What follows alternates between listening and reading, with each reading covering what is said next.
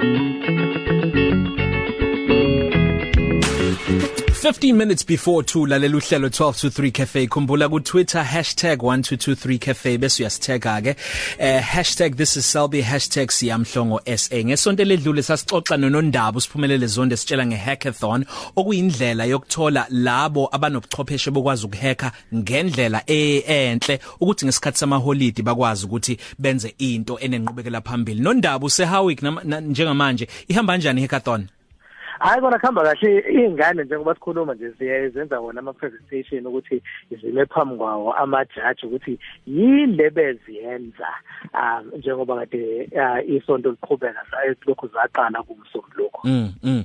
ake size kuya namhlanje kodwa sixoxa ngayo ukuthi lapha e-United Kingdom kunama general elections kodwa engathi kuputshuke imbiko engeyona. Akusitshele ngalama fake news? um kuningi okuye kwenzeke sike sakhuluma ngendaba yama fake news ngesikhathi ku nodlame lelo kwathiwa eh, lunokuhlasela abantu bangaphandle la um eningizimu Afrika. Um ukuthi nalapha eUK ke kwaba khona ke asake sathinta kancane futhi ngayo le ndaba. Eh, sikhuluma ngokhetho lwaqoka uDonald Trump la kwatholakala khona ukuthi abase Russia nakhona ah, bake babandakanyeka ekuphephetheni ah, kwendaba engezona ngokhetho lwasemelika kuthiwa into efanayo ke um nakhona lapha um e-United Kingdom e-UK mm. um kuthiwa uh, inkinga ekhona ukuthi kuke kubhecwe um abantu abangenele lona lolu khetho ngezinto ezingezona.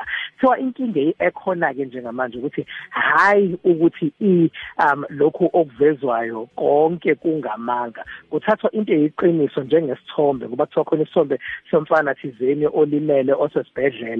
Um kwathiwa awubheke i-poster ye-campaign uh, yasopolitiki thizeni thizeni idlala ngabantu abagulayo abaseyibhedlela. Kuthiwa isithombe siyiqiniso kodwa iposter ingamanga. Mm. um akuyona ecampaign yalomuntu kusho ukuthi khona sebethatha izithombe zangempela um babhale izinto ezingezona kulesithombe sangempela bese ke uma lesithombe sesigcwala einkundleni zokuxhumana kuthiwa awubheke lo ukuthi wenzeni mm. um kuthiwa kunenkinga kenjalo kodwa ke um bathi um abangenele lona ukhetho lapha eBrithani bathi bakulindele lokho ukuthi kuba khona indaba ezingelona iqiniso noma ezingelona iqiniso eliphelele ezivela einkundleni zokuxhumana kanti um bazodila nazo ngendlela efanele. Sini sizathu sesidala ukuthi kube khona ama fake news anjengalolu hlobo uma kuyikhathi zohlelo zokhetho njalo? Um isikhathi esiningi ukuthola ukuthi khona abantu abaye bafune kuwine lo okungowabo abamthandayo. Oh. Um bese beyaqhamuka ke nazo izinto ezifana nalezi. Ukuthola ukuthi um osopolitiki noma iqembu lona alazi uthole ukuthi nje usiyamhlongo ezihlalele ethi leliya qembu noma lo yasopolitiki angimthandisisi um angike ngihlale phambi kwekhompyutha yami ngibhale lezi zinto ezingamanga noma ngenze ama-poster angamanga ngiyowaveza ey'nkundleni zokuxhumana abanye khona nabanye bengeke bamvotele bacabanga ukuthi ayivele lo muntu balungile hmm. um ngakho angeke simvotele. Eh, uthola nje ukuthi kusuke kuyinto enjalo kuwumuntu mhlambe yikho sivela kakhulu ngezikhathi zokhetho um emelika into eyavela khona ukuthi um abaningi basola ukuthi izwe lase Russia nalifuna kungene vele yena lo ophethe njengamanje um uDonald Trump. Ngakho kwasetshenziswa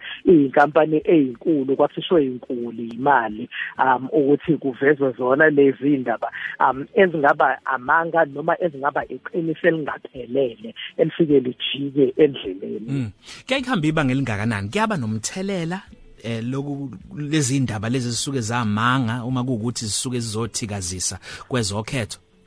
Bona kuyaba nomthelela ngoba um ukuthola ukuthi abantu abaningi bayayikholwa izinto abazibona einkundleni zokuxhumana. Kakhulukazi esikhathini sanamhlanje nje njengoba ukuthola ukuthi baningi asebethola izindaba zabo zonke einkundleni zokuxhumana. Umuntu angabe saya kuma website eindaba angabe salithenga mm. iphephandaba esitolo angabe sawuvula nomabona kude wakhe ukuze abheke ukuthi kuyi ikuphi okuyiqiniso ikuphi okuyamanga. Um abantu abaningi esikhathini sanamhlanje sebegcina khona einkundleni zokuxhumana bekhuluma nabangani. Kanti isikhathi esiningi ukuthole um kuba khona lemfanekiso noma ama message ngesinye isikhathi um imibhalo e, eke um siyithumelane lapha ko WhatsApp uthola ukuthi omunye uyakuthumela nawe uyithathe ungazange ubheke noma iqiniso noma iyamanga noma isima kanjani nawe uyithathe uyithumele omunye umuntu. Thole sebebaningi ka sebekholwa le message le elokhu iqhubekile ithunyelwa abantu ngo WhatsApp phono ndaba sesivala eh mina ngingaqikelela kanjani ukuthi lezi indaba engiyitholayo mangumuntu wa online aziwona manga aziyona i-fake news?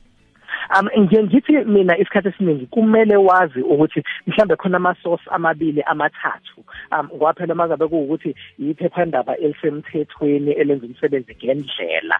Um kumele ukuthi lokhu okubhalwe kulelo phephandaba nezinye intatheli zizobuye zikubheke nakho ukuthi kuyiqiniso ngempela yena ukuthi uma uke wabona ama sources amabili amathathu indawo ezimbili ezintathu zisho into efanayo ubheke namagama owathembayo amaphephandaba. Ngoba khona amaphephandaba amanga khona elinye nje kuthiwa umzansi news sesihlale siwubona ku Facebook um umzansi news uyaziwa vele ukuthi um owendaba ezingamanga ezingelona iqiniso um zikhona ke nezinye indawo ezibanjalo ukuthi mengelona iphephandaba olithembayo iphephandaba elaziwayo abantu abaningi elineyintatheli eziqeqeshwe ngendlela um ungakuthembi uze ubone nabanye nabanye besho into efanayo. Unawe ke ungabe sewuqhubekeza phela ungazange ukubhekisise ngoba ngesinye isikhathi bekusho ukuthi nawe ungaboshwa ngokuqhubekeza into yamanga ngomuntu uthizeni um ngoba phela nawe ubhekisisa ukuthi iqiniso ngempela yini? Sebenzisa wona lo makhala ekhukhwini